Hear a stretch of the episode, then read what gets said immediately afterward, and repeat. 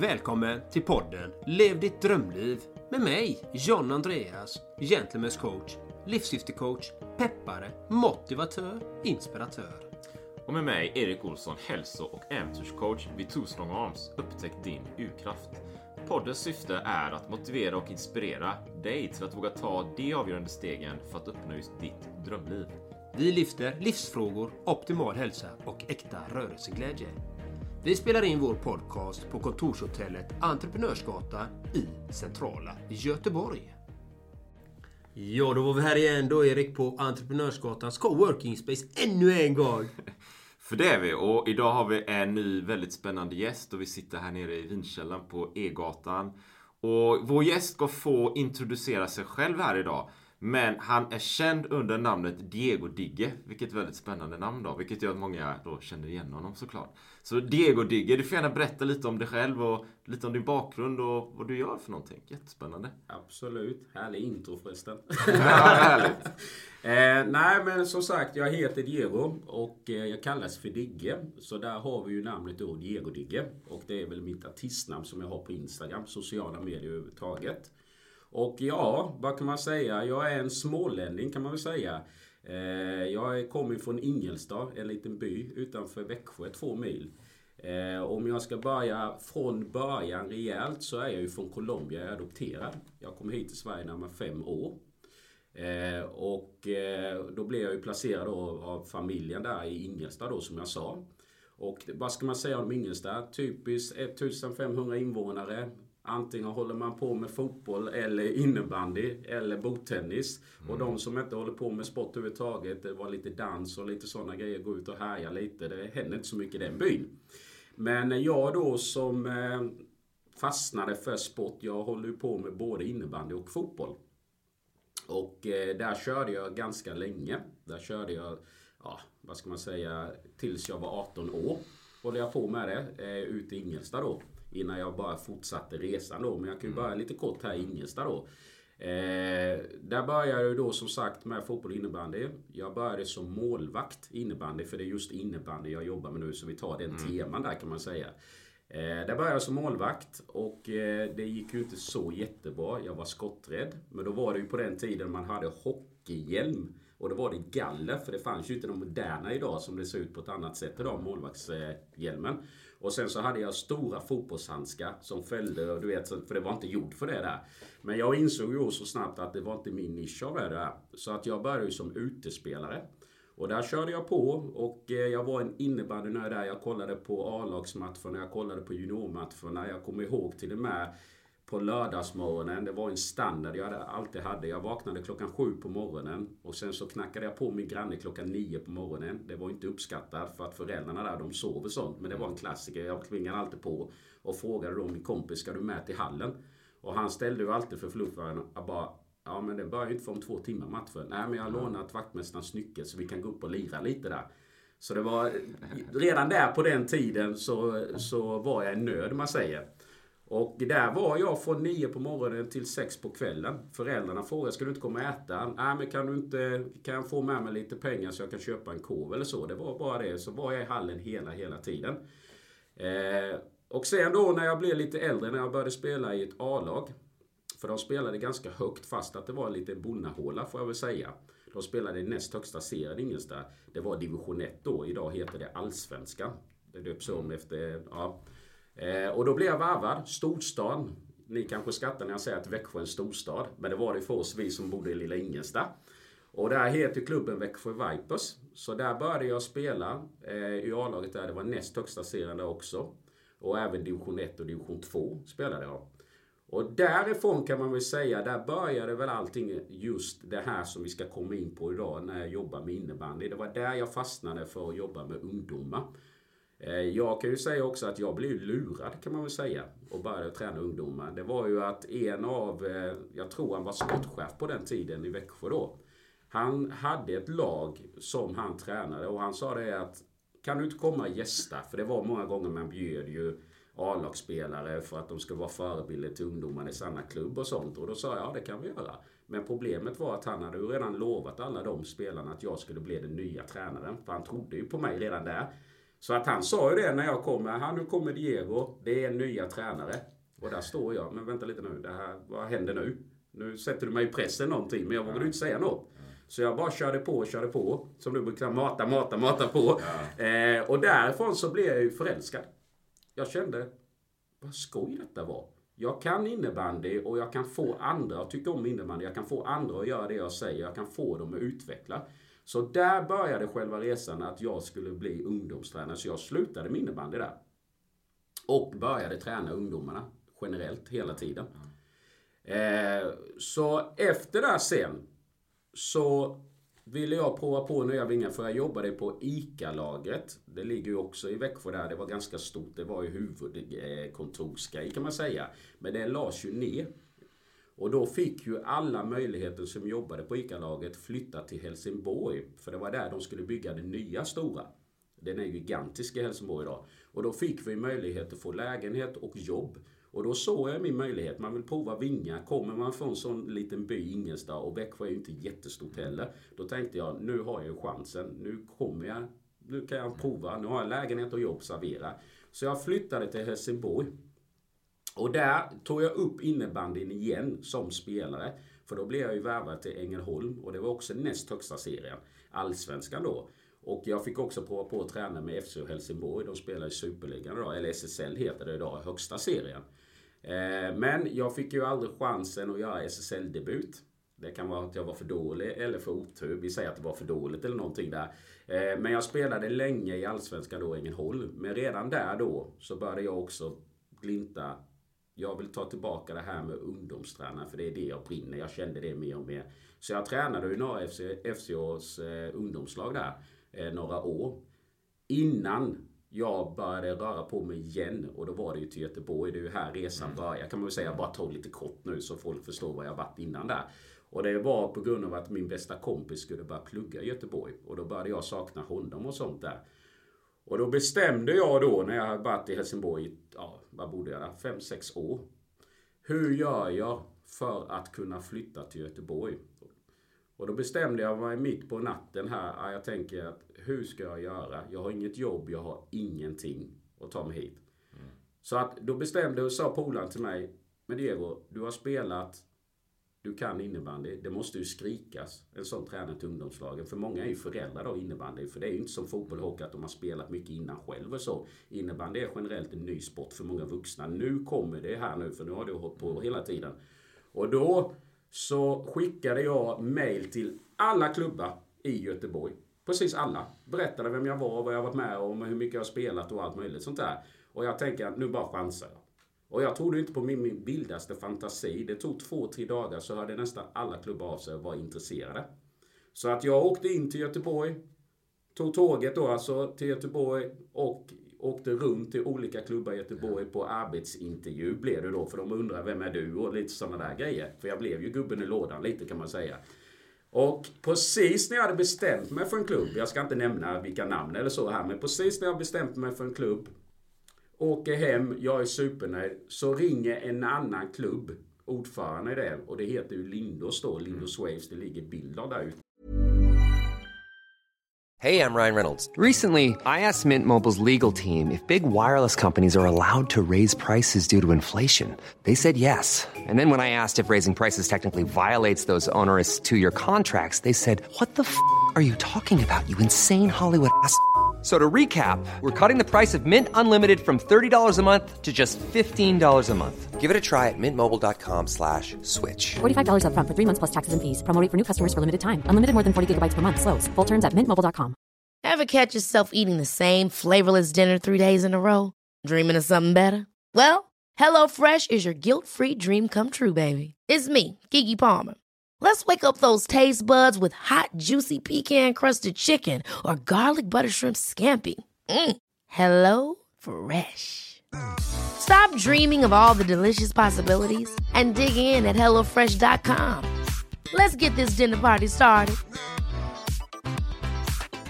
Planning for your next trip? Elevate your travel style with Quince. Quince has all the jet setting essentials you'll want for your next getaway, like European linen premium luggage options, buttery soft Italian leather bags, and so much more. And it's all priced at 50 to 80% less than similar brands. Plus, Quince only works with factories that use safe and ethical manufacturing practices. Pack your bags with high-quality essentials you'll be wearing for vacations to come with Quince. Go to quince.com slash trip for free shipping and 365-day returns. Ringer ordföranden där.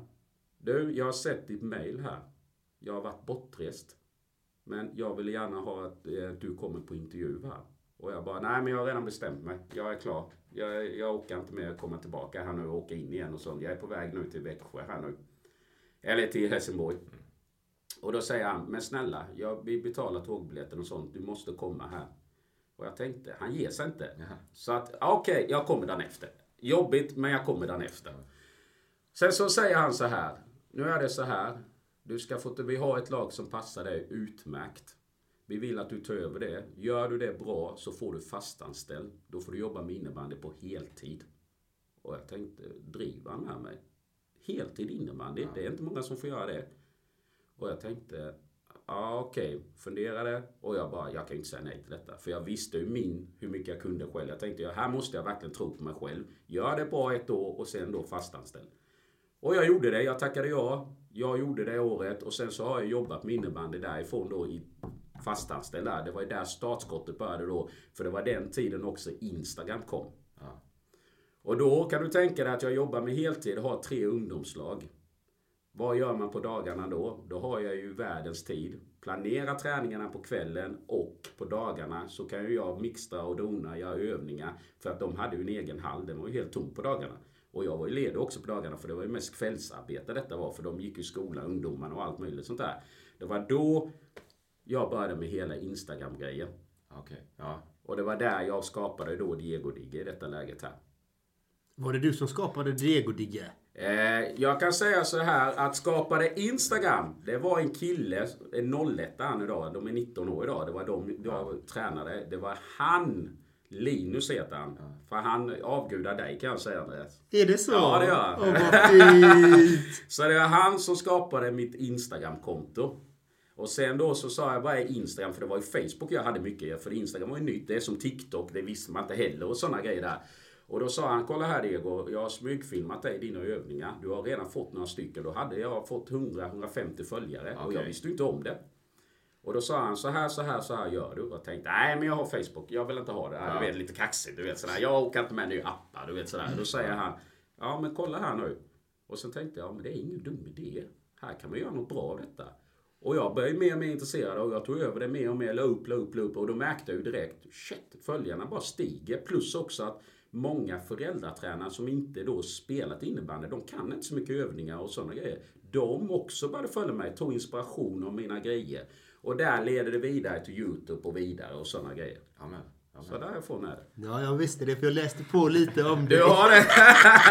ja, det är bra. Ful jag är va? Det är bra. Det är bra, det gillar vi. Så jag, jag är lite nyfiken också så här. I, i, i din tidigare historia med innebandy just när du började så liksom. Ja. Varför just innebandy? Eller jag har ju spelat innebandy själv, inte på någon nivå överhuvudtaget så. Men mest eh, på tidigare jobb och sådär. Ja. Ja, det är ju riktigt roligt alltså. Det är Ja. en av mina absoluta favoritsporter. Så. Ja. Men vad, vad, vad, vad får du för känsla liksom när du spelar innebandy? För du börjar ju tidigt och det var Ja. många timmar i hallen. Nej, men känslan varför jag fastnade just för innebandy och inte fotboll man säger. Det var ju att det är en snabb sport. Det händer så himla mycket. Det, det går liksom inte och bara stå stilla på planen och eh, nu har jag passat så nu hoppas jag på det bästa att någon annan gör det. Här måste man ju vara delaktig. För det är ju oftast en minut man är inne på planen. På ungdomssidan kanske det är lite mer för att det är lite svårt att få ut dem. De är inte riktigt mogna alla gånger. Nej, jag vill spela med, jag vill vara med, jag är inte trött om att åka lite mer. Men just när du kommer upp på en högre nivå, då är det en minut för du åker ju inte med. Du, du, det blir ju svårt att andas. Man säger du måste återhämta dig, dricka och sånt. För det är som en puls hela tiden. Så det är just att det var snabb sport plus också att lagkänslan tycker jag var fantastiskt också. Man blir så glad för när man gör en bra pass, snyggt mål, man vinner matcher och sådana grejer där. Så det är, men framförallt om jag ska trycka på det, så det är snabb sport. Du måste vara snabbtänkt hela tiden. Absolut. Alltså jag kommer ihåg när jag spelade här. Alltså det är ju, det är ju väldigt intensivt. Ja, liksom. det. Det är- Andra- Pulsen skjuter jag höjden med en gång. Ja. Man blir skogstokig Ja. sådär när man jagar. Liksom. Ja. Det är jätteroligt. Nej men det, det, det var väl det jag fastnade för där kan man väl säga. Ja, precis. så att, Och, och sedan tänker jag också dina, du berättar om eh, de här intervjuerna till exempel. Mm. När du var här i Göteborg och tittade runt lite. Hur, hur ser en sån, jag bara ren nyfikenhet, Mm. hur ser en sån intervju ut? Det är liksom ett arbetsprov, du faktiskt håller ett pass eller liknande? Eh, nej, men det, det låter lite som det när man säger att det är intervju eller så. Men just när man ska bli ungdomstränare, de seriösa föreningarna. Ja. Särskilt då också om de inte vet någonting om personen. För oftast föreningar då har mycket koll på vilka ungdomstränare finns och vilka eh, spelare finns och sånt. Men när det dyker upp en sån som jag i detta läget här också. Eh, en mörk kille. Du behöver inte säga att jag just är mörk för att det ska vara något speciellt så. Men det finns ju inte så mycket invandrare eller mörka personer i denna, inom denna sporten. Eh, tyvärr så gör det inte det. Jag hoppas ju på det, men det kan vi gå in på längre fram sen. Men, eh, och då gäller det absolut att visa framfötterna. Då är de ju mer intresserade av att veta vad har du gjort innan? Har du varit spelare? För så fort man säger att man har spelat, ja jag har varit spelare på hög nivå. Så fort man säger den grejen, då blir det, åh oh, herregud. Vad är detta för något? Det här, det här har vi världens chans. Då klickar det ju. För de är ju beredda på att, nej men jag är pappa till det laget. Eller nej, jag vill bli ledare. Då blir det inte lika intressant. För sporten i sig här nu då, det har varit länge nu. Men det är fortfarande nytt för att kunna utöva. Så att de tittar mycket vad du spelat innan, vad kan du för något, vill du testa, vad vill du göra med detta laget, vilken åldersgrupp, mer sådana grejer. Så det är ju inte direkt så här hur mycket inkomst och bla bla bla. Det är ju inte sån intervju på det sättet. Det är bara att kolla erfarenheten, vad du vill få ut av det, lite sånt. Precis. Och, och kan du, om, du, om du delar lite hur eh, innebandyvärlden ser ut i Sverige idag. Alltså som jag känner, jag har ju spelat på tidigare jobb så här, men jag, jag kan ju inte, och så vet jag utebandy. Jag bodde ju i Mm. Ja. Gävle innan, det var Ja. stort där. Och jag har ju bott i Växjö också Ja. för den delen, så jag Ja. känner ju till hur, du, hur det ser ut där lite. Ja. Men jag kan ju begränsat om själva innebandyvärlden i Sverige. Liksom, hur stort är det egentligen? Eh, det, det är jättestort. Det är ju näst största sport, utövande. Eh, jag tror att fotbollen är den största. Och sen så tror jag faktiskt att nu kan det vara fel, nu kommer det vara någon som rättar mig här. Ja. Men jag vet att innebandy är den största. Och sen ridning eller hockey tror jag kommer på tredje plats. Eh, och då tänker många att oj, är innebandy näst största sport? Men de visas ju knappast inte på TV. De får ju inte den här mediauppflåset som många hockey och fotboll får. Men det handlar ju inte om det. Att de är, det, det som gör så att de inte får den här pushen, mediagrejen och syns på TV och sånt. Det är ju för att pengarna finns inte där. Det är näst största sport utövande. Men det är varför den är så billig. Det enda du behöver det är shorts, t-shirt, par gympaskor och en liten klubba. Och sen så kan du spela innebandy. Men tänk dig själv hockey. Alla utrustningar, vi vill inte veta hur mycket de kostar. Och tänk då fotbollen. Där är det ju inte så jättedyrt heller. Men konkurrensen är ju tre gånger så större i fotbollen. För alla föräldrar har spelat det. Och du tillbaka i åren. Vi blir jag, ja, jag vet inte när fotbollen började men det är ju många år. Och alla har ju sett VM, alla har sett EM och alla har hållit på något allsvenskt lag eller italienska. Så det går ju inte att jämföra där. Så att innebandy har ju inte fått den här publiciteten för att pengarna finns ju inte där. För många är ju inte proffs inom innebandy. Men det är ju många som spelar i skolgården, i gympasalen och sådana grejer där. Så det är därför det är den största sport. Men samtidigt så har den inte fått professionella markeringar. Vilket land kommer innebandyn ifrån? Det är Sverige det grundade. Är det så? Jajamensan. Sverige är det första där. Eh, och sen så har det spridit sig då mer och sånt. Nu är det ju från Schweiz, Finland, Danmark, Tjeckien, alla länder nästan. Singapore och Japan och lite, ja det är massor är det liksom. Så det har ju spridit sig över hela världen. Och jag vet ju att innebandy pratar ju också att det ska bli en OS-gren. Men där är vi inte riktigt ännu. Men eh, de har varit där och nischat lite. Och då, vad jag har förstått så har de ju funderat på att sätta det som OS-sport. Men jag tror vi måste bevisa ännu mer. Vad är det ni måste dit. bevisa då då? Nej, men bevisa professionalitet. Att försöka få så att folk börjar bli intresserade av sporten generellt. För att den är ju så stor. De som utövar det, vi är ju jätteintresserade. Har du barn som spelar, då blir de intresserade. Men de andra som kanske inte har sett en hel match för innebandy, de tänker ju på att slå på TV när det är SM-final. För det brukar visa på SVT eller TV4 för då är det gigantisk grej. För då är det ju då avgörande matchen och spela bäst av ett då. Annars så är det bäst av sju. Innan var det bäst av fem. Men just SM-finalen, då är det här och nu. nu vem ska bli mästare? Då fyller de ju Globen. För det har ju varit i Globen någon gång. Det har varit i Malmö någon gång. Och det roliga är att de fyller den. Då är det ett jippo. Det är som bandyfinalen. Det har ni också hört talas om. Mm. Där fyller de det också. Det är ju värsta grejen ju. Där har de ju fika och du vet sådär. Det är ju ståhej där. Och så är det innebandy också. Eh, så att... Eh, ja, vad, ska, vad vad var frågan igen? Nu kommer jag av mig lite där. Det var jag, vad, vad är det som krävs för? Ja, vad är det som krävs? Ja, men det är ekonomiska. Det är pengarna. Helt Men det, det är väl som, eh, tänker jag, löpning eller något. Det finns ju inte så Ja. mycket pengar där. Nej. Nya dojor liksom, Ja. och shorts. Ja. Eller som jag, köldlöpning, jag har inte ens Ja. kläder på mig. nästan. Men det är, det är som jag brukar säga så här, det tror jag alla har det. Det är ingenting ont om denna sporten, men gång funderar många på. Ja men herregud, hur kan det vara en OS-sport? Gång? Ja. Det är väl ingen sport att gå, det gör vi dagligen. Men det, det, det, det sitter ju så långt bak i tiden. Ja, ja. Det, det går inte att ta bort gång. För då blir det ramaskrik, för det ska vara där. Men där har ju inte innebandy satt någon prägel på. Mer än ett SM-final. Det måste sändas. För att du kan inte nonchalera, ta bort fullsatt Glob. Det går ju inte. Det är inte lika lätt. För det är, då är det ju intresse. Ja, men då gör vi så att då sänder vi bara SM-finalen. För där är det jippo. Men resten sänder vi inte. För där är det inte riktigt jippo. För då är det bara de som åker dit och tittar. Eller så har något utövande. Så jag tror att det är ekonomiska. Men det, det är väl ofta så här gamla strukturer som Ja. sitter kvar. Som även i podden vi pratar om hälsa och såna grejer. Ja. Eh, funktionsmedicin, det är ju paradigmer liksom. Vi har ju våra tankar, våra sätt att vara. Det har varit så de senaste 20 åren. Så vi bara fortsätter liksom. Ja. Så om man har något nytt eller innebandy växer. Det är som att ha ett stort så här, olje eller containerfartyg. Ja. Det tar tid att ändra liksom. Ja. Det tar tid. Ja, men det men det är ju det. på god väg nu då. Det är ett antal följare på Instagramkontot. Ja, absolut. Och, och jag ser ju mer nu också, jag som jobbar heltid med innebandy här. Vi kommer ju gå längre fram, se nu allt bara det här med centret och det. Men just den här frågan här. Jag ser ju mer med att själva sporten i sig, de som spelar i näst högsta serien och den högsta serien, SSL heter det. Eh, De börjar ju bli mer och mer professionella. De går in i rollen, äter rätt, tränar mycket, sommartränar och sånt där. Det ser man ju att det blir ju bättre och bättre. Men det är fortfarande långt väg ifrån. För att hockey och fotboll, om vi tar det, för det är mycket lagsport, och även ridningar och alla möjliga, golf och tennis och dem. De kan ju lägga upp det på ett annat sätt för att de är ju heltidsproffs. De får ju pengar för det. Men ni får inte glömma att innebandyspelarna, de har ett jobb sidan om. Så att de kan ju inte åka till hallen eller gymma mitt på dagarna för de jobbar från 7 till 4 vad det nu är. Och sen då sticker de till träningen. Så den lilla sista biten där, det är där man måste få till. För det blir inte rättvis bedömning annars. Nej, och, och eftersom de, jag förmodar att de tränar ganska mycket. Tränar säkert 5-6 pass i veckan. Ja, de här proffsen. Eller, de är inte proffs, men de är ändå Ja, lite proffs. proffs för de får Ja. ekonomisk eh, ersättning får de. Eh, Vissa tjänar ganska bra, ska jag säga.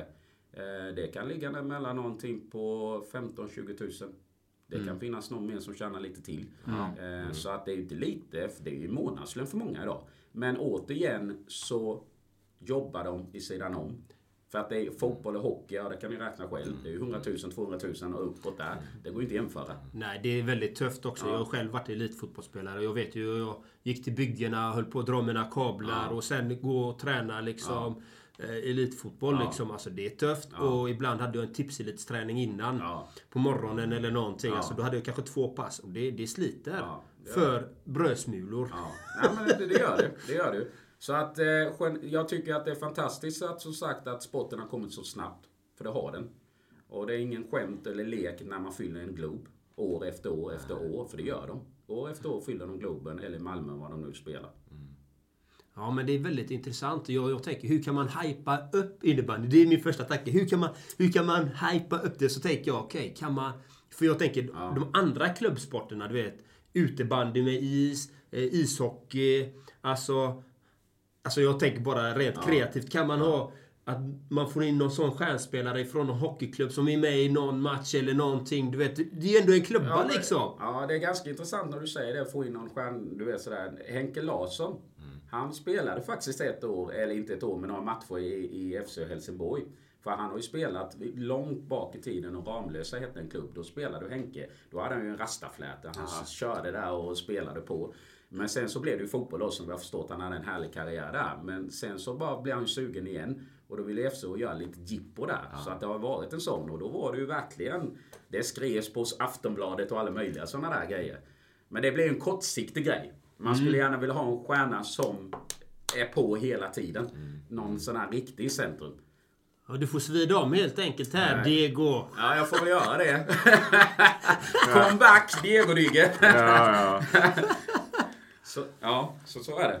Hur, hur, eh, hur tänker du, eller hur ser du kanske att innebandy kan spela roll för ungdomarna då? För du jobbar ju mycket med ungdomar, så Ja. jag tänker att det är den här fysiska rörelsen och träningen, att du ser Ja. att det har en betydelse. så. Nej, men det, det spelar ju jättestor roll. Det spelar egentligen ingen roll vad det är för sport i sig. Men eh, innebandy, det gör ju mycket funktioner. Det är, framförallt så bara det är skolrasterna.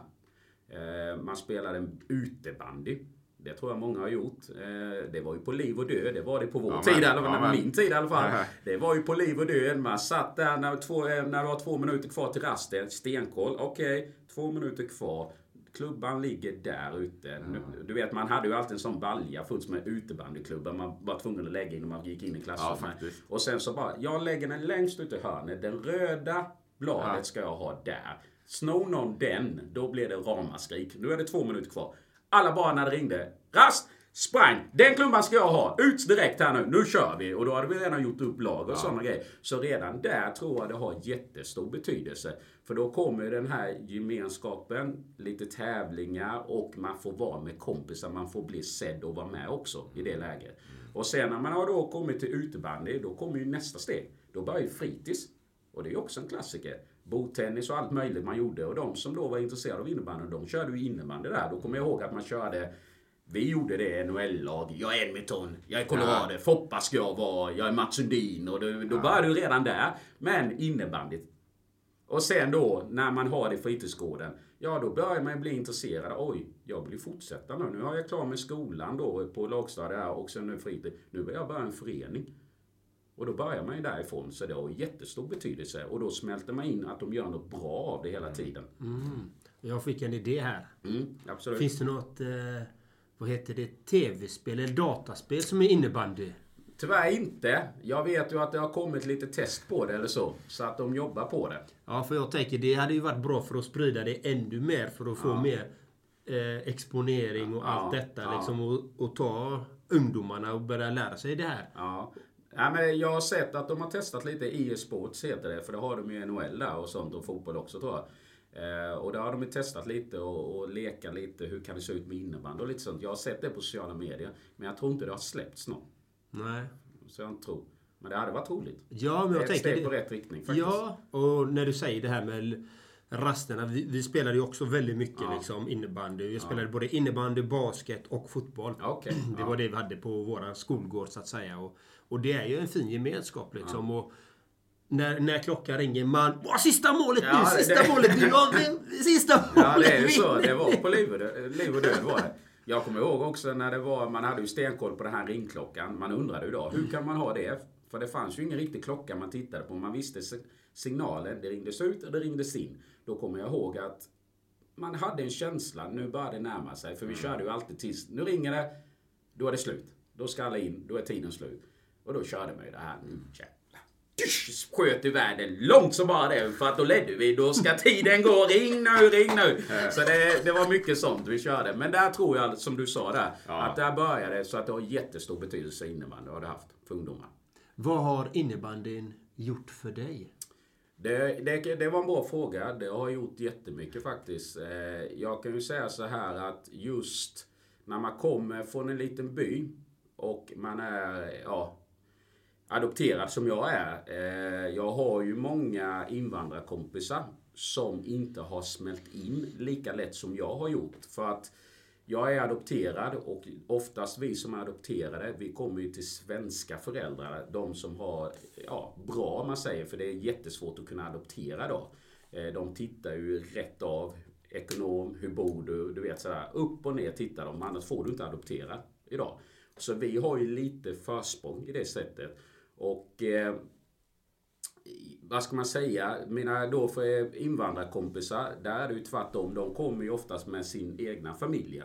Och då får ju de börja om på scratch, man säger. De kommer till ett nytt land, nytt språk och de känner inga och eh, eh de har ju fått Gud, ja de har ju fått värsta lotten att de får komma till Sverige men sen så måste ju de ta tag i det själva man säger. Så de har ju inte haft det lika lätt som jag har haft det man säger. Så att eh, där, nu glömde jag frågan igen här. Du får ta... Vad har innebanden gjort för dig? Innebandyn har gjort för mig i det läget då att eh, jag har smält in mer på så sätt att jag har hittat fler kompisar i det läget. För att komma hit med, min, med, med svenska föräldrar, det är en helt annan sak. Jag får ju rätt förutsättningar att gå i skolan och bo bra och smälta in på det sättet. Men sen så kommer det ju nästa steg. Kompisar. Man kan säga vad man vill. Visst, du går i skolan, men det är inte så lätt att hitta kompisar idag. Nej. Det är inte det. Det är helt annan klimat och sådana grejer där. Så det har gjort mycket. Att jag har fått nya kompisar. Och nu hade jag ju turen också att jag var duktig på innebandy. Jag var intresserad. Jag kunde mycket. Jag berättade då att jag var uppe så tidigt och sådana grejer. Det är där jag har lärt mig och fått input och sånt. Så att det har betytt jättemycket. Utan innebandy och fotboll också för den delen. Så hade jag inte smält in på det sättet. Och framförallt innebandy har ju följt mig från dag ett till idag. Jag hade inte suttit här idag utan innebandy. Det kan jag lova dig. Det hade jag inte. Det hade varit dal och barnbana hela vägen. Så jag har alltid stött mig för innebandy. Har jag gjort. Så innebandyn för dig har varit liksom som ett eh, livssnöre egentligen? Det kan man säga.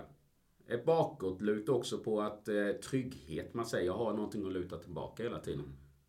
Så att det har betytt A och O. Har det gjort innebandy. Så ja, jag tycker det är jätteintressant. Speciellt när du säger om mångetniciteten. Mm. Att det finns många, många olika etniska grupper. Liksom. Och har du upplevt utanförskap på något sätt på grund av din hudfärg? Eh, nej, inte... Ja, vad ska man säga? Inte att någon har sagt n-ordet eller att visat att du, du har inte samma färg eller du ser inte likadan ut. Där har jag klarat mig.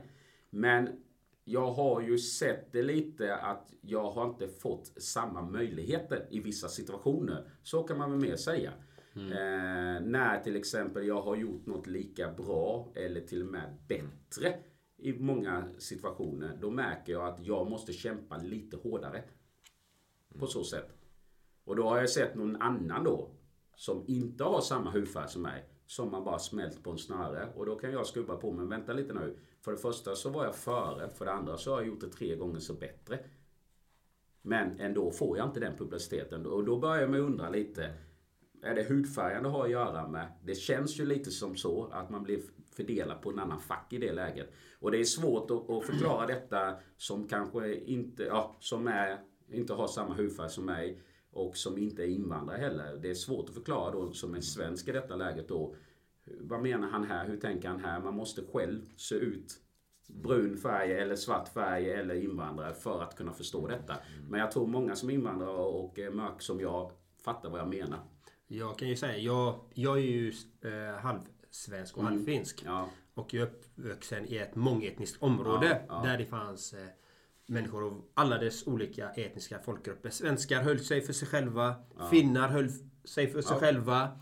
Och sen de från Mellanöstern, eh, Sydamerika, eh, you name it, alla de här. De, de var ändå en klick på något sätt. De, de, de fann en samhörighet på grund utav, eh, ja antagligen att de var utifrån så att säga. Deras föräldrar. Och jag då, jag tillhörde egentligen aldrig någonstans. Eftersom jag var halv. Halv. Så med finnarna så hörde jag inte hemma för jag kunde inte språket ens. Och med svennarna, de såg mig som en finnpajsare. Liksom. Och utlänningarna då, eller de här med mångetnisk eh, folkgrupp, de, jag kände mig inte hemma där heller för att jag hade inte samma hudfärg, inte samma frisyr och hade inte samma jargong. Och, så att så att det går ju att uppleva den här. Och jag har ju märkt det att man kan komma utanför på grund av sitt efternamn. Och jag har till och med själv provat det. Jag har haft ett, ett svenskklingande efternamn tidigare. Eh, och jag fick en helt annan respons. Och det är sanningen. Den, den, den var eh, helt enorm skillnad. Men, det, men det, det som du säger här, det är ganska intressant för att jag fick en bild här nu när jag sökte lägenheter. Det klassiska är ju på Blocket, för det är mycket andra hand och du vet sådana här grejer. Och till slut så var jag tvungen att ta andra hand i Göteborg. Men då märkte jag ganska tydligt när jag skickade iväg mitt mail, Diego, och en bild på mig. Och sen så skrev jag vad jag hade gjort. Det var mycket då med innebandy och allt möjligt så här. Men det var ingen som nappade riktigt. Jag tänkte, vad är detta? Så jag vände på det. Det kanske var lite oförskämt, men det gick hem. Så jag vände på det. Den här gången så ska jag överraska de här nu. Nu är jag trött på det här. Jag måste ju kunna få ett svar. Eh, och sen så vet jag att alla skickar på Blocket. Alla får inte svar för det är enormt mycket. Men jag fick verkligen inte napp någon gång. Men då märkte jag, nu ska jag ändra på det. Är det på grund av att de har fått mycket eller är det på grund av att det är mitt namn? Men det får jag svaret genom att nu åker jag hem till adressen. För det står ju oftast var det ligger och sådana grejer där. Eh, och då åker jag hem dit. Knackar på. Och jag bara märker, hej du, jag kollade på Blocket precis här nu. Jag ser att ni ska hyra ut en lägenhet och jag hade vägarna förbi. Förlåt att jag är oartig här, men du vet man måste vara på hugget här nu med lägenheterna. Så jag körde en annan grej här nu. Och du vet, Ja, det gör du helt rätt. Det var roligt. Ja, du är jättevälkommen. Jag ska visa det. Ja, jag har skickat mail också här nu. Jag gjorde det här nu för några dagar sedan. Men det roliga var att jag skickade precis när jag skulle ringa på. Och du vet, helt annan bemötande. Ja. För då hör de mig, han är lugn, han pratar flytande svenska, han beter sig som en svensk. Helt annan mottagande. Men sen vet ju inte jag, hade det varit tvärtom om jag hade skickat eller inte? Nej. Det är intressant att veta. Men jag fick ju aldrig något svar på mina. Men nu körde jag andra hållet. Helt annan bemötande. Så man kan ju ifrågasätta där. Så att eh, jag Ja, körde den grejen i alla fall. Det är ju jätteintressant och jag har ju en annan liknande historia då fast eh, jag gick in i en eh, in i en 7-Eleven säger vi, det var inte 7-Eleven men det var en kiosk Ja. och min, min telefon hade dött. Så jag går in och frågar hon i kassan, ursäkta mig, finns det, kan jag låna din telefon eller låna en telefon? Min telefon har dött. Ja. Hon bara, nej du kan inte göra det. Nej, men jag, det är ett viktigt samtal, jag behöver verkligen låna en telefon. Ja men du får gå ut där någonstans, bla bla bla. Okej? Okej, tack så jättemycket. Jättetrevlig artig som jag är, absolut. En vecka senare går jag in, kommer in, samma kassörska, ställer samma fråga. Hon bara, absolut, absolut! Följ med in här, på, in här bakom. Bakom, då fick jag sätta mig i lunchrummet, fick ringa från en telefon och, och sen och hon lämnade mig där bland sina grejer och, och sen kom jag ut. Tack så jättemycket. Hon bara, Åh, det var jättetrevligt. Ha en fin dag. Detsamma. Ja. Vad tror ni skillnaden var? Ja. Ja, vad var skillnaden? Ja. Det kan jag säga. Första gången jag kom in, då kom jag in med eh, dammiga arbetskläder. ja.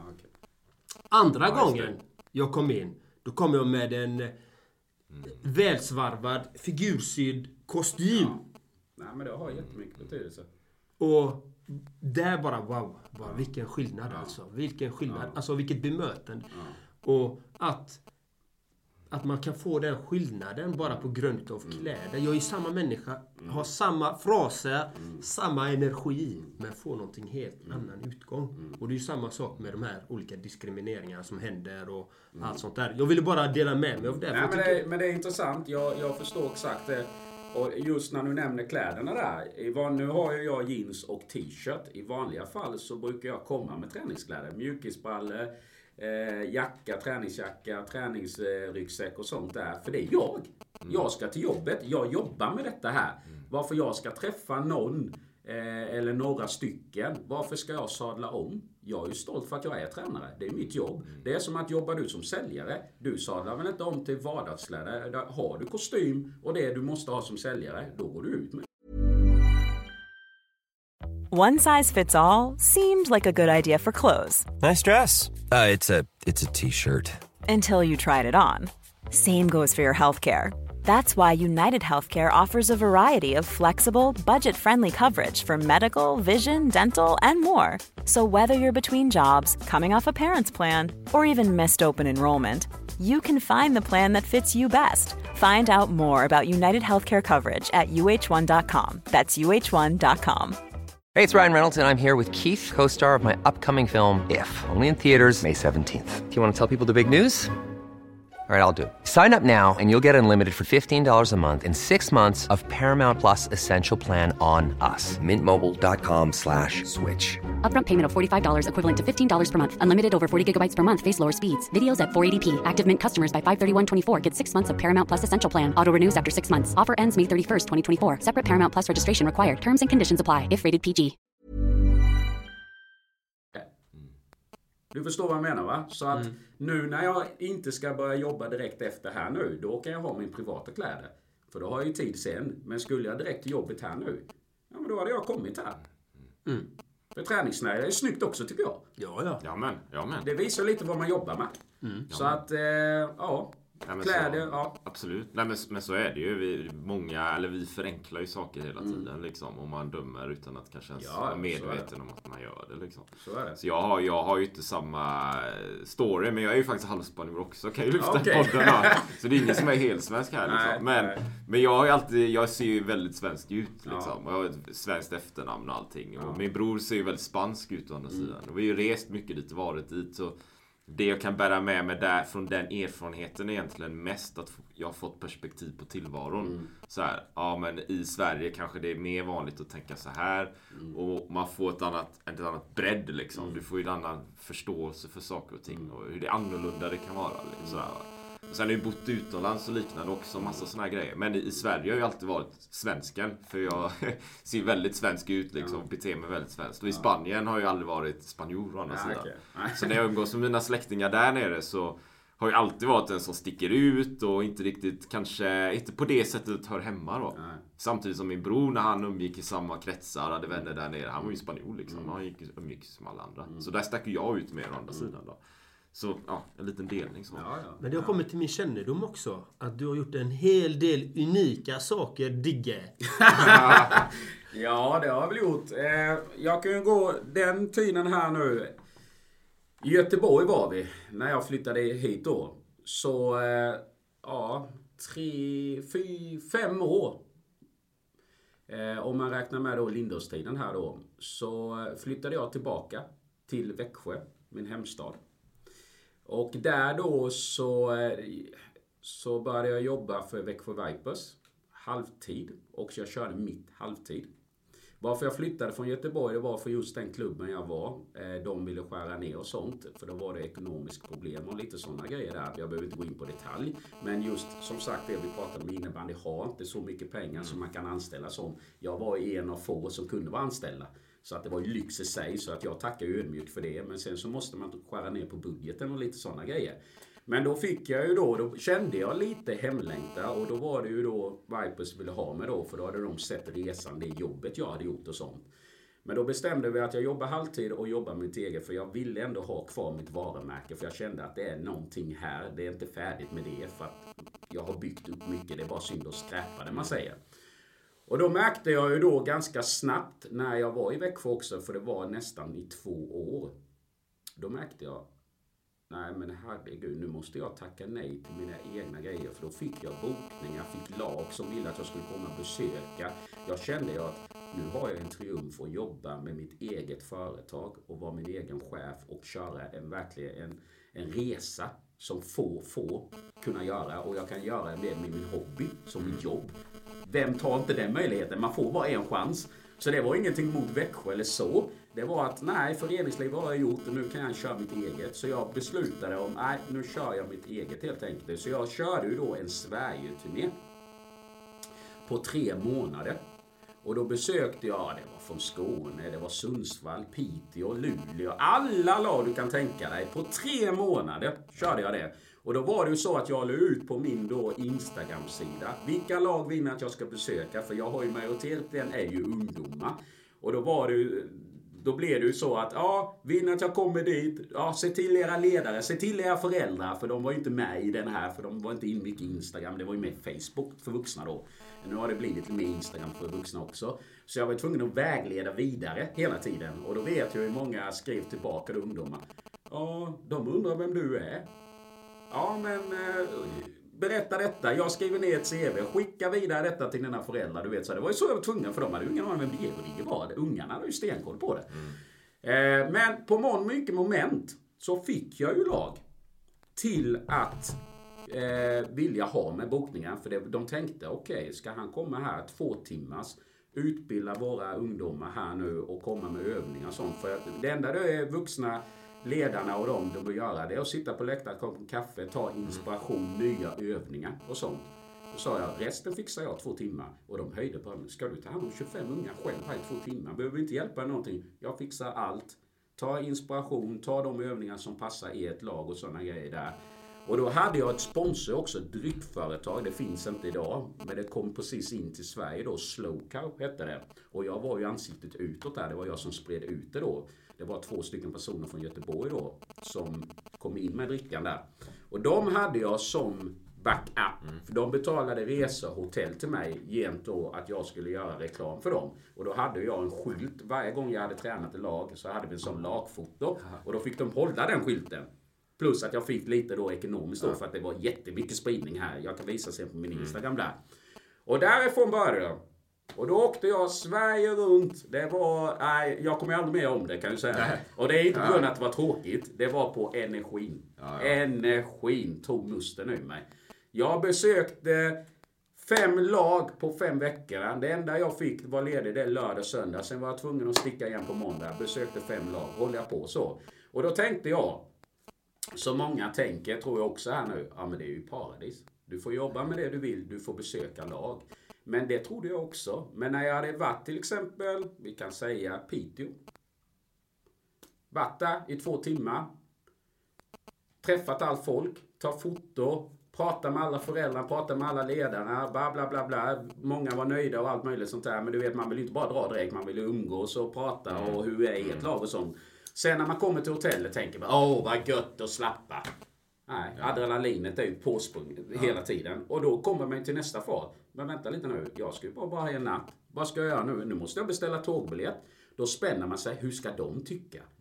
Nu måste jag ringa ledarna, få lite information hur det laget är där. Oh, nu är jag nervös. Ja, den ledaren lät lite sträng. Undrar vad de tycker. Det här blir jobbigt. Ja, du vet, man spänner sig. Dagen efter, dags att åka. Varvet går. Nu måste jag ladda. Var pigg, var glad. Ungdomarna ser fram. Du tänker så hela tiden. det blir ju ingen lugn och ro. Och det tänkte inte jag på. Så att sista två veckorna så gick ju nästan så här långt att Åh herregud. Nu, nu, nu pallar inte jag med. Jag ska fundera, ska jag, sjuk, ska jag hitta på någonting här nu så att jag känner att jag är sjuk, utbränd? Ja, jag ska hitta på något. Så jag funderade hela tiden.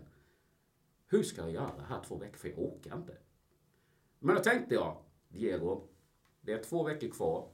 Du har ungdomar som kommer bli ledsna om du inte, för de har sett fram emot detta. Detta är planerat en månad innan, du vet sådär. Nu kör du bara. Så det var bara smila upp, ta Red Bull och det bara köra igen. Du vet. Men då kom man till den gränsen, då fattar man hur jobbigt det var där. Men det var också samtidigt roligt. Men en grej också, som om vi ska gå på lite djupare situationen här nu. Det fanns en baksida av alltihop också, som var ganska tungt, som inte jag har berättat för någon här. Och det är ju när man åker tåg så mycket, så kände jag direkt, okej, nu åker jag från till exempel Piteå till Göteborg eller långa sträckor eller Luleå, vad som helst. Då märkte jag varje gång som jag alltid var avundsjuk på den här. För är du borta i tre månader, ensamheten kommer ju enormt mycket. Du äter frukost själv, hotellfrukost, det blir tjatigt. Du är på hotellrummet, det blir tjatigt. Du reser, det blir tjatigt. Ingen får man vara. Sen måste du lägga upp på Facebook, men de känner inte mig. Det är bara för att de ska följa min resa. Så tittar jag varje gång perrongen. Har jag åkt tåget två, tre timmar? Så säger jag, okej, där, var glada. De väntar på någon kramar om. Hej! Du vet sådär grejer. Där hoppar jag av. Ingen hälsar på mig. Ingenting, du vet sådär. Det var mycket. Det tog mycket musten. För att det har jag inte heller berättat. Jag har ju inte så jättebra kontakt med mina föräldrar. Har jag inte.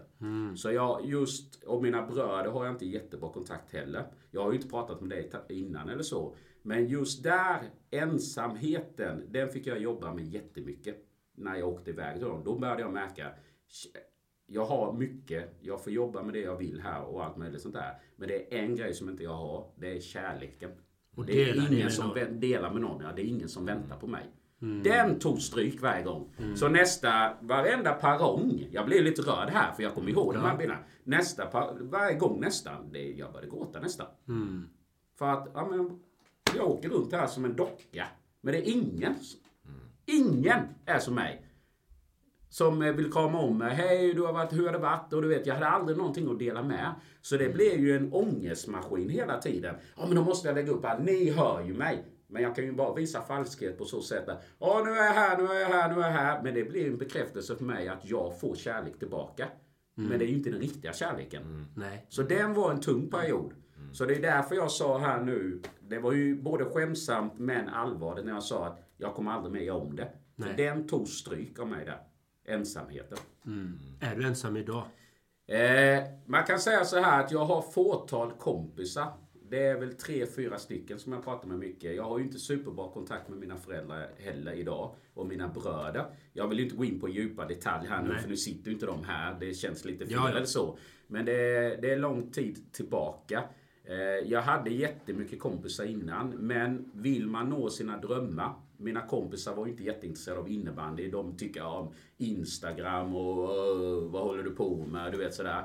Men de förstår ju inte att det är något som jag brinner för. Det är något som jag blir glad i. Jag blir glad att hjälpa ungdomarna att träna. Jag brinner verkligen för innebandy. Men de då tänker på, ja men jag jobbar på lager, jag är säljare och jag ska ut och supa varje helg och du vet sådana här grejer. Men det är ju inget gemenskap jag vill då för det passar, det passar inte min nisch hela tiden. Så en efter en efter en lämnade mig helt enkelt. Och det kanske var mitt fel också någon gång för att jag var ju aldrig ute och festade och så. Men jag kände att varför ska alkohol alltid komma in när man ska umgås? Men det var ju deras nisch. Så då gled vi ifrån varandra. Så jag har ju tappat jättemycket kompisar. För att jag ville nå mina mål. Eh, så idag har jag ju kontakt med tre, fyra stycken. Har jag som jag pratar djupt med. Men då blir det ju också det här ibland att okej, haft en tuff dag, haft en lång, nu ska jag ringa. Oj, den svarar inte. För det gör någonting annat. Det blir ju så. Det blir ju inte så många man kan välja på. Då blir det den här ensamheten igen. Så det är en liten tuff period på det sättet. Är det. Så man kan säga att jag är både ensam och inte ensam. Men vi, alltså vi är ju, vi föds ju oftast ensamma. Vi föds ju ensamma. Vi, vi kommer lämna det här jordelivet ensamma. Ja. Så det, det, det är ett faktum liksom. Ja, ja. och även i relationer så är du ju, du är en relation men du är ju ändå med dig själv också. Ja, ja. Och det gäller att hitta den eh, balansen att älska sig själv eh, i de stunderna också. Mm.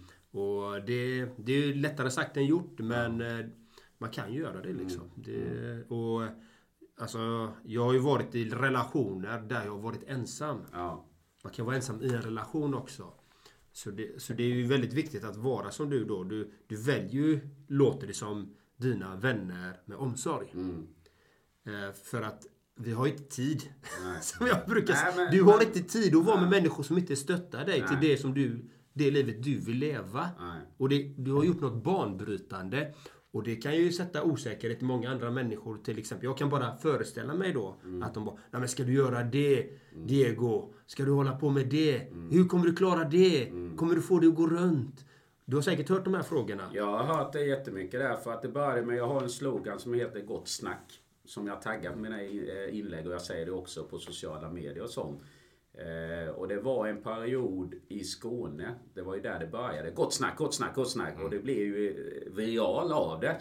Och då, då såg jag det att jag säger gott snack hela tiden. Det har smittat av sig. För jag kommer ihåg att det var en busschaufför som kom fram till mig och en fotbollsdomare också för den delen. Eh, busschauffören i detta läget var ju då att ja, jag sprang till bussen och jag bara, åh, äntligen hann jag. Och sen, nej jag har glömt busskortet. Och, och jag bara, ja men vad ska jag göra nu? Du vet, jag blir, man blir stirrig. Då säger busschauffören, nej gott snack, ta det lugnt, hoppa in, jag bjuder. Och jag bara, gott snack, vad betyder det? Härlig känsla. Det kan betyda vad som helst, men det är gott snack. In med dig, du vet sådär. Det var första gången där. Och när jag eh, spelade fotboll också, var det domare också, så sa det. Jävlar vad snyggt mål du gjorde. Gott snack. Ja. Ja, Gott snack, vad är det för ord gott snack? Men det är en skön känsla, gott snack. Så, så, så, eh, så frågar han också, jag har hört det innan, men vad betyder gott snack? Ja, du kan jag säga vad du vill. Gott snack, det är en skön känsla. Du blir glad när jag säger det. Gott snack, nu kör vi. Det är som mata Ja, på. mata på, jag tänkte säga det. Och då hade jag det, då satte det sig eh, på hjärnan. Så att jag började med det på Instagram och hashtag gott snack. Och sen så har det bara sprungit på hela tiden. Så jag avslutar alltid med den frasen. Ja, ha en trevlig dag nu, gott snack på er. Jag, jag, jag tänker också på det här som du, som du delar Mm. eh, Diego med ensamhet. Så. Alltså, det är ju väldigt fint att du delar det också. Mm. Och jag tror att många kan ju relatera och säkert många som lyssnar på podden så här. När man, det kan ju vara så att man satsar på en viss väg i livet så här. Som entreprenör, man bygger någonting Mm. eller innebandy så här. Ja, men då sker ju någonting. Alltså man blir ju passionerad över någonting då kanske. Man eh, ändrar vilka människor man umgås med. Det har jag varit med om också. Liksom. Innan jag började min egen resa för så här 4-5 år sedan. Det, den umgängeskretsen var ju en helt annan än den som är idag. Men den resan kan ju vara smärtsam. Det kan den vara. För man jag tänkte ju inte på att ja, nu ska jag släppa den kompisen eller den kompisen. Utan det blev ju att de allt eftersom liksom smög sig ut ur livet på något sätt. Och så dök det upp lite andra personer. Så det är två olika världar så här. Så alla gånger liksom. Absolut, och det är som sagt att eh, när jag, tillbaka till din grej där när jag började då med Gott Snack och då tyckte många vad är detta för en pajas? Gott Snack och tramsa och hålla på. Vad håller han på med? Han ska föreställa att han ska vara en duktig tränare och sen så ska man alla ballan. Vad är detta? Ah, vad omogen. Nej, han, kan- vad håller han, det här kommer ju aldrig gå. Vad håller han på med? Men det är inte folk förstår riktigt att har du samma aura hela vägen. Varför jag är en duktig tränare. När det är min träning en timme. Då vill jag lära de personerna som kommer till mina grejer där. Då kan inte jag spela alla ballan. För då förväntar ju de sig att här kommer du att lära. Men sen utanför så måste du bryta mönster. Skulle jag vara sträng och diktator och utanför, ja men då blir jag ju en tråkig person. Då måste jag öppna mig lite. Och visa att nu har vi gjort vårt jobb. Nu, nu snackar vi lite här nu. Hur mår du? Allt bra? Sånt. Berätta lite. Nu skrattar vi tillsammans. Nu har vi gjort något bra tillsammans. Och det är det inte många kopplar lite här då. Den här generellt, den att okej, nu tränar han, nu lägger han upp en klipp där. Ah, nu är han ballan här nu igen. Och det klarar inte vissa av. Då tycker de att det blir för trams och då tycker de att ja, men han är omogen. Då tar han ju det värsta sidan då i deras ögon. Så det är det jag har fått höra mycket här. Att du kommer inte lyckas. Du är en pajas och du har det. Det har man fått höra. Och det är där då man förlorar lite kompisar och ryktet sprids och, och Yes. snacket sprids. Och du vet, för många tar ju inte reda fakta själv. De lyssnar hellre. För det är ju jobbigt att ta reda på det. Man känner nog igen det där. Jag känner igen till 100 procent. Precis! Jag känner igen det och jag har själv fått... eh, Alltså alla de här eh, scenarierna har jag fått. Men jag vet ju, du, när du pratar om aura, den här energin. Är ju din, du har ju samma energi när du är på planen och du instruerar. Du är ju fortfarande Digge va. Men du, du applicerar detta till någonting konkret för dem. Och sen så behöver man ju kärlek, man behöver ha glädje, man behöver ha gott snack, man behöver ha alla de här bitarna. Man behöver ha power. Mata på nu! Mata på! Liksom, man behöver ju ha det. Ja. Liksom, Nej, det- och, och det är ju det som är det fina. Men du har ju också gjort någonting väldigt unikt för innebandy. Du har ju startat någonting. Jajamensan. Eh, och då kan vi ju gå tillbaka igen här då, resan här. Det var i Växjö då vi stannade upp här nu då ju. Eh, det är viktigt så folk förstår för det har varit mycket hoppning och sånt. Från Växjö då flyttade jag till Jönköping. Mitt i allt. För där var det ju ett lag som hyrde in mig. För att nu jobbade jag själv då som sagt här nu. Då kunde man hyra in mig och sånt. Men nu var det en klubb som hyrde in mig långsiktigt. Och ville att jag skulle ta hand om två lag och utbilda dem och lite sådana grejer där. Så då flyttade jag till Jönköping. Och där så var jag ett år. Då var jag ju klar med den här utbildningen och sånt, för då hyrde de in mig i mitt företag, man säger. Men då var det en natt. Jag vet inte var det kom. Det låter mycket märkligt det jag kommer säga här nu, men då var det en natt någon röst som sa Sadla om. Och jag bara Sadla om. Jag hörde det någonstans. Det låter jättemärkligt detta. Sadla om. Jag kunde inte släppa det ordet, sadla om. Så gick det två dagar. Sadla om. Sen en natt där på kvällen så tar jag fram min dator och bara googlade lite. Jag tänkte, jag har ju mitt eget, jag har specialträning. Nu har jag åkt under laget här nu. Olika lag och besök. Vad är det om de menar med sadla om? Så googlar jag bara, så kommer jag in på en sida, fotbollssida. Och där blev jag ju förpensionerad på Youtube då, kom in. De tränade detalj. Alltså tillslag, olika detaljer hela tiden. Och då tänkte jag, men vänta lite nu, det här finns ju inte i innebandy. Men det, varför har inte jag tänkt på detta? Jag har ju hållit på lite med individuell träning då, innebandy också. Men nu har det varit fokus på att besöka lag med flera grupper. Så tänkte jag, fan jag blev fascinerad så jag började titta mer och mer och mer och mer. Så tänkte jag så här, varför gör inte jag någonting av detta här? Och jag ringde en kompis, kommer jag ihåg. Och han säger där, Diego, detta är ju klantigt för dig. Du måste ta nästa steg, du jobbar själv och allting, du vill ha utmaningar. Varför gör inte du detta? Och jag kunde inte släppa det. Så här kommer min, min kollega Anders som jag jobbar med idag. För han också, han har ju spelat på hög nivå, snackar vi om. Han har ju spelat på SSL-nivå. Han har tre SM-guld. Ni vet vad SM-guld är? Jag har, Ja, ni har lite koll jag har ett SM-guld själv.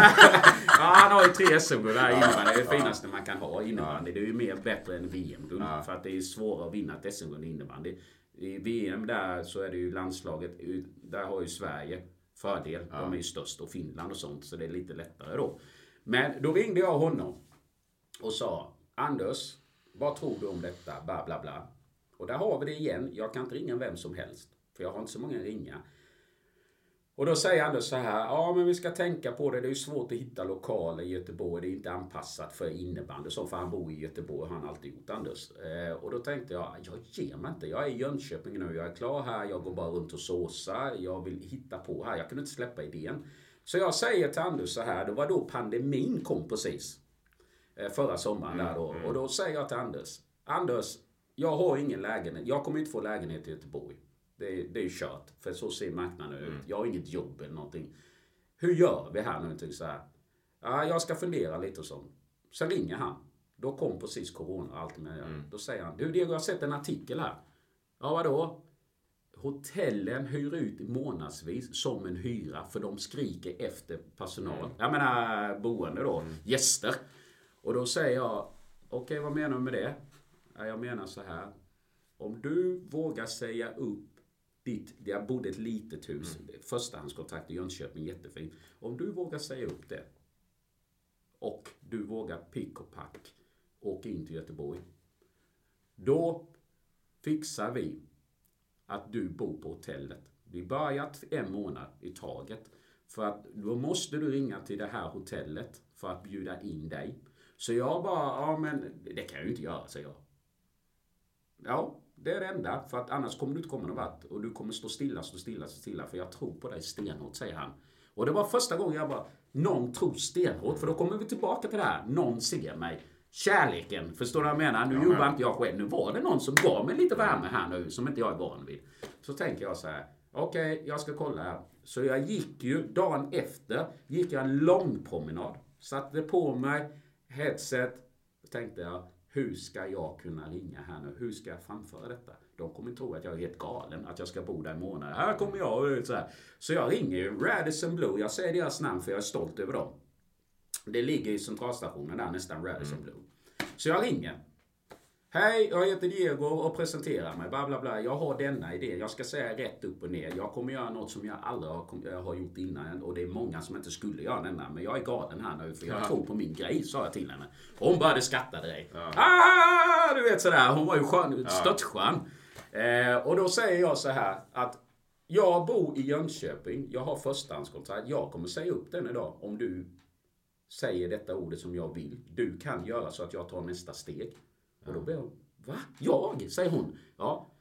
Det är så här att jag vill öppna ett center i Göteborg. Jag har mycket kunder, kommer jag få där. Jag ser det framför mig redan nu. Jag har mycket följare, många som skriver till mig på Instagram att de vill träna. Men jag har ingenstans att vara, för jag har inte råd att hyra kommunens. För de tar jättemycket i timmen, det går inte. Och då säger hon, ja, vi söker ju här och jag har sett det. För min kollega Anders sa att man kunde hyra en månad. För att nu är det coronatid. Det stämmer. Och hon vet vad hon säger. Jag älskar dig, säger hon. Från ingenstans. Detta är sant, jag ljuger inte. Jag älskar dig. Gör du, säger jag. Du vet, jag blir lite paff. Jag har pratat fem minuter. Ja, men jag älskar din energi. Jag älskar att du vågar. Jag älskar idrott. Nu gör vi så här att du skickar mail så kommer jag svara. Jag kommer fixa detta här nu. Så jag skickade iväg mig. Dagen efter säger hon. Lägger du upp på Instagram och det här, det här, det här så får du den här månadspengen eh, varje månad. Det, jag kan säga det låg mellan 6 och 8 000 kronor i månaden som vanlig hyra. Och då får jag hotellrum och allt möjligt där. Så att jag fick beskeden. Jag sa, jag kommer i slutet av denna veckan, för detta var på en tisdag. Jag kommer i slutet av veckan, check in. Jag ringer Anders, det är klart. Visa upp lägenheten. Det är ju tre månaders, men det skriks ju efter boende. Så att jag, det flyttades ju in redan efter en månad. Jag hjälpte fastighetsägaren också, kollade på Blocket. Är det någon som söker? Så det var ju inte svårt, det gick så snabbt. Anders hade en liten, liten förråd. In med grejerna, sanera dem. In! Så hade jag flyttat in på tre dagar. Och när jag kommer dit, jätteglada, positiva. Jag fick ett dubbelrum och allting. Men det roligaste var att den som var ganska högt uppsatt i hotellet hon hade en son som avgudade mig. Ja. Så det var ju räddningen från himlen på något Ja, sätt. Det, det var skapat för mig detta. Så hon visste vem jag var. Och jag bara, ja trivs du här och sånt. Jättesnäll. Hela personalen var jättesnälla för de hade ju scoutat mig. De visste vem jag var. Jag hade ju ingen aning om det. De hade ju kollat upp precis vad jag hade gjort och sånt. Sonen hade berättat också. Så att jag bodde på dubbelrum ungefär en vecka. Tills jag får en lapp. Hej, jag hoppas du trivs och sådana grejer här. Eh, vi vill att du byter rum. Och jag bara ringer ner. Ja, jag har fått en lapp att jag ska byta rum till detta, detta. Jag ska packa ihop och sånt. Vad är detta? Jag trivs jättebra i min dubbelrum. Ska jag få mindre rum, säger jag. Byt rum skulle jag rekommendera dig.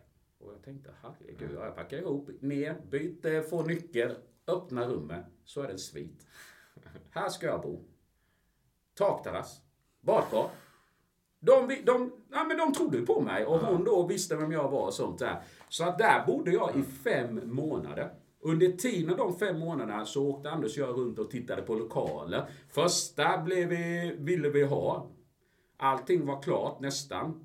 Men mäklarna, inget ont om mäklare, men de är luriga anser jag. Det är inte alla man kan lita på. Eh, allting var klart, papper och sånt. Men pandemin var ju här som sagt. Så samma dag när vi skulle skriva på så fick vi inte kontakt med henne. Vi var jätteglada Anders och jag. Nu har vi hittat en lokal. Vi, ringde hela dagen. Hon svarade inte. Hon hade lovat oss att det var klart vi skulle skriva på. Men då fick vi ett mejl efter av VD för det. Hon jobbar inte kvar. Så kontraktet gills inte. Och då fick vi börja om på nytt igen och då blev vi nervösa som. Men till slut då så hittade vi den lokalen som vi har i Kottedala idag då. Eh, hittade vi. De tyckte att idén var jättebra. Det skulle ha varit en paddel där från början. Men de tyckte att det var lite för lite för paddel och det fanns inte tillräckligt med parkeringar. Eh, Det är ju en ganska tre mot tre plan men det är individuell träning så det är ju stort för att vara en eller två stycken som tränar eller tre. Eh, Och där då, kort resa där då, eh, så fick vi den. Och han som äger den älskar ju sport och sånt. Han trodde på vår idé stenhårt. Och därifrån så skrev vi på. Och det var i augusti någon gång detta var. Och eh, därifrån så har ju vi öppnade vi, vi har varit öppna nu i tre månader. Vi har haft fullsmakat där varje dag. Och vi har ju VIP-kunder är ju de som betalar lite mer. Och som får 20 träningar på det paketet som man kan utnyttja ett, ett år. Och det är ju de som tränar stenhårt som vill verkligen. Sen så har du spontan de som kommer testa. Eh, och sen hade vi månadskort men nu är vi tvungna att ta bort månadskort för vi har så mycket VIP-kort. Så att nu har vi till och med kösystem på våra VIP-kort. Så att nu väntar folk för att få det VIP-kort. Vi är tvungna att tacka nej till folk nu. Men problemet är att, eh, problem, problem, jag älskar ju det, men det är ett lyxproblem ska man väl säga. De som har VIP-kort nu, när de- deras börjar ticka ut, gå ut nu, de vill ju förlänga. Så vi kan ju inte släppa in de andra, för de andra är ju så nöjda. Det är ett litet lyxproblem. Så att eh, det har gått över förväntningar och vi renoverar, bygger vidare, vi har vår dröm fortfarande eller så. Så att där är jag. Och nu då också samtidigt då med när vi håller på att renovera eh, centret också. Så har jag haft turen, titta på blocket, titta mycket. Så nu har jag hittat en lägenhet också som jag har bott nästan i två månader. Återigen en person som älskar idrott som visste också vem jag var. Eh, Så jag har hittat en lägenhet. Jag har också en bil nu som är sponsrad för de tror på centret. Så allt har ju bara rullat på. Och det var den dagen där jag bara sa att nu kör jag. Det var det steget som gjorde så att jag har det jag har idag. Hade jag inte vågat där, för många hade tänkt inget boende, inget jobb. Nej, jag säger inte upp. Jag väntar. Men vad gjorde jag? Jag hade ingenting i Göteborg. Och jag ringde i det samtalet, min kollega Anders då, värde med det, och jag berättade som det var till den här eh, hotellpersonalen. Så sa jag till henne, du kan rädda mig här nu, du kan göra så att jag tar detta steget. Hade inte hon hjälpt mig där, vad hade jag varit idag? Mm. Har du kontakt med henne idag? Absolut, hon, vi brukar ringa och sånt. Jag har henne att tacka. Om eh, personalen där när jag går förbi brukar de vinka i receptionen. Diego, Diego, kom! Och jag bara, vad är det? Ta kaffe, ta Nej, jag kommer sen. Jag, kommer, jag, jag, jag får gå omvägar där nu för jag är så himla bundis med de personalerna där. Så att Radisson Blue, jag har mycket att tacka för dem. Så så var resan där. Och vad heter hon på Radisson Blue då? Maria heter hon. Hör du det Maria? Du är en klippa. Ja, klippa. Eh, Så att eh, centret idag, det är fullsmockat och jag kämpar med mina klienter får jag säga. Och det är många olika åldrar, från 10 till 02. Så att jag jobbar med min kollega Anders som jag är jättestolt över. Som eh, vi jobbar och sliter eh, än idag med det. Så en, en fråga då, centret lite, hur funkar det liksom? Vem är det som kan vända sig till er eller börja med innebandy eller vad är det för Nej, det, upplägg liksom? Ja, nej men de som kan vända sig, det är ju vem som helst. Det är just åldrarna. Det är ju 10 och uppåt som vi rekommenderar för det är ganska krävande. Men det som vi har, eh, som vi ställer krav om man ska vända till oss, det är att vilja träna. Vilja lära sig. Det är viktiga ord för oss. Mm. För kommer du där och spelar Allan Ballan och inte är intresserad av skolinnebandy och inte bryr sig, då är det fel forum. För att det kostar ju pengar. Och vi, jag säger så här, jag är inte så intresserad av dina pengar om inte du vill göra detta jobbet. För jag ska ta hand om dig en timme, jag ska planera träningarna. Märker jag att du inte är intresserad, ta dina pengar och gå. För att då har inte jag roligt under tiden. Jag vill se engagemanget, jag vill se glödheten, för då är jag glödhet. Du kommer att se mig i action en timme. Men sover du och jag sover men jag tjänar pengar på dig. Jag kommer inte njuta av dem. Jag kommer ha så tråkigt en timme. Så det är inte ens värt att lägga den timmen på det. Då gör jag någonting annat istället. Då kan jag gå hem och kolla på Netflix om det skulle vara så i fallet. Det njuter jag mer av. Mm. Så att det ställer vi krav. Viljan och kämpaglöden och det. Eh, annars så får vem som helst komma. Och ska du ha VIP-kund, det vet ju vi, det, gör, det betalar man inte de pengarna och tränar så hårt om inte du är intresserad. Mm. Så att där behöver vi inte vara oroliga på det sättet. Där kommer ju de som vill verkligen. Mm. Bra där. Bara, ja. jag, vill bara, jag vill bara lyfta det till lyssnarna också. Ja, det som Diego sa där, ja. sista meningen här. För det var, det var världsklass-content här. Ah, okay, det, det, det, det, är ju den här liksom, ja du kan betala för någonting men det är viljan, engagemanget mm. och glöden. Det är mm. det som är grejen. Mm. För annars sitter man ju där och spenderar tid på någonting mm. som, ja men jag kan ju kolla på Netflix istället. Liksom. Det är ju inte pengarna. Det är ju resultatet och hur man kan hjälpa någon. Det är där det kommer in liksom. Mm. Så vill du bara förstärka ja, det. Du, du delar det. ja men den är jätteviktig. Just energin är ju allt liksom att man vill. Och det är som du, du ville ta det här steget. Du vågade ta det här steget. Och det är samma sak i innebandy. Man måste vilja, man måste våga göra de här sakerna. Mm. För att utvecklas till att ta sig till nästa nivå. Mm. Det är ju det det funkar i allting egentligen. Mm. Så är det. Vi, vi, har en fråga till, om vi inte har någon annan fråga. Har du en annan fråga? Du tar du den. jag, jag vet inte. Så, så Diego, Diego Digge. Ja. Eh, frågan är, lever du ditt drömliv? Eh, det får jag säga att jag gör. Eh, jag lever mitt drömliv, men jag är inte klar med den. Mm. Så kan man väl säga lite. Eh, jag... Ja, vad ska man säga? Det, det är sjukt det jag får uppleva nu, kan man ju säga. För allting leder till varandra. Det finns en tråd. Och tråden är ju lite också som jag har märkt nu när man har sitt eget då center tillsammans med Anders då, min kollega. Det är ju att gör du ett bra jobb där så leder det till nästa kontakt. Gör du ett bra på den kontakten så leder det till nästa. För det bästa jag har märkt, man kan tycka vad man vill om sociala medier. Det kan man säga vad man vill om. Utan sociala medier så hade jag inte varit där jag är idag. Absolut. Men den bästa reklamen är när andra pratar mm. om en. Det är det bästa. Då kan du slänga sociala medier. Får du folk att prata om din träning eller ditt jobb och de är nöjda. Det är det bästa du kan få ett kvitto på. Och det har jag och Anders fått här nu, har jag märkt här nu, genom då att företagen hör av sig, genom att folk hör av sig, genom att det kommer nya spelare. Då är jag nyfiken och ställer alltid, till exempel, jag hade en tjej igår som jag ställde en fråga. Okej, okay, hur hittar du hit? Det, det, är ju inte för att jag är bara nyfiken på att du ska gotta mig. Det är för att jag vill veta lite, lära mig hur funkar det? Hur hittar folk hit? Ja, men jag fick höra av det, det, det, det. För de har varit och tränat med dig. De är jättenöjda. Och när, förra grejen var det någon annan. Ja, jag fick höra av min pappas kompis. Som hade hört att eh, hans son hade varit här som var jättenöjda. Alla får höra det på olika sätt. Så det är glädjande. Där har jag lärt mig något nytt. För jag har alltid trott att sociala medier har varit pushen. Men så är det inte. Det är när folket pratar. Det är det bästa reklamen du kan få.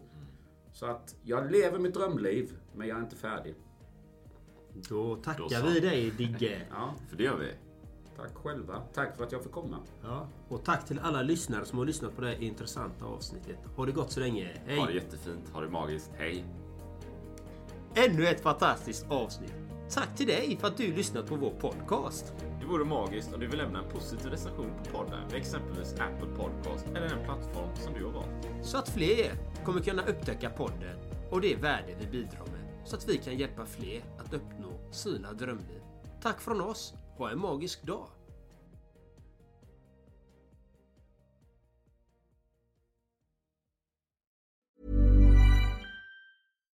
Hi, I'm Daniel, founder of Pretty Litter. Cats and cat owners deserve better than any old fashioned litter. That's why I teamed up with scientists and veterinarians to create Pretty Litter. Its innovative crystal formula has superior odor control and weighs up to 80% less than clay litter. Pretty Litter even monitors health by changing colors to help detect early signs of potential illness. It's the world's smartest kitty litter. Go to prettylitter.com and use code ACAST for 20% off your first order and a free cat toy. Terms and conditions apply. See site for details. Ever catch yourself eating the same flavorless dinner three days in a row? Dreaming of something better? Well, HelloFresh is your guilt free dream come true, baby. It's me, Kiki Palmer. Let's wake up those taste buds with hot, juicy pecan crusted chicken or garlic butter shrimp scampi. Mm. Hello Fresh. Stop dreaming of all the delicious possibilities and dig in at HelloFresh.com. Let's get this dinner party started. Even when we're on a budget, we still deserve nice things. Quince is a place to scoop up stunning high-end goods for 50 to 80% less than similar brands. They have buttery soft cashmere sweaters starting at $50, luxurious Italian leather bags, and so much more. Plus, Quince only works with factories that use safe, ethical, and responsible manufacturing. Get the high-end goods you'll love without the high price tag with Quince. Go to quince.com/style for free shipping and 365-day returns.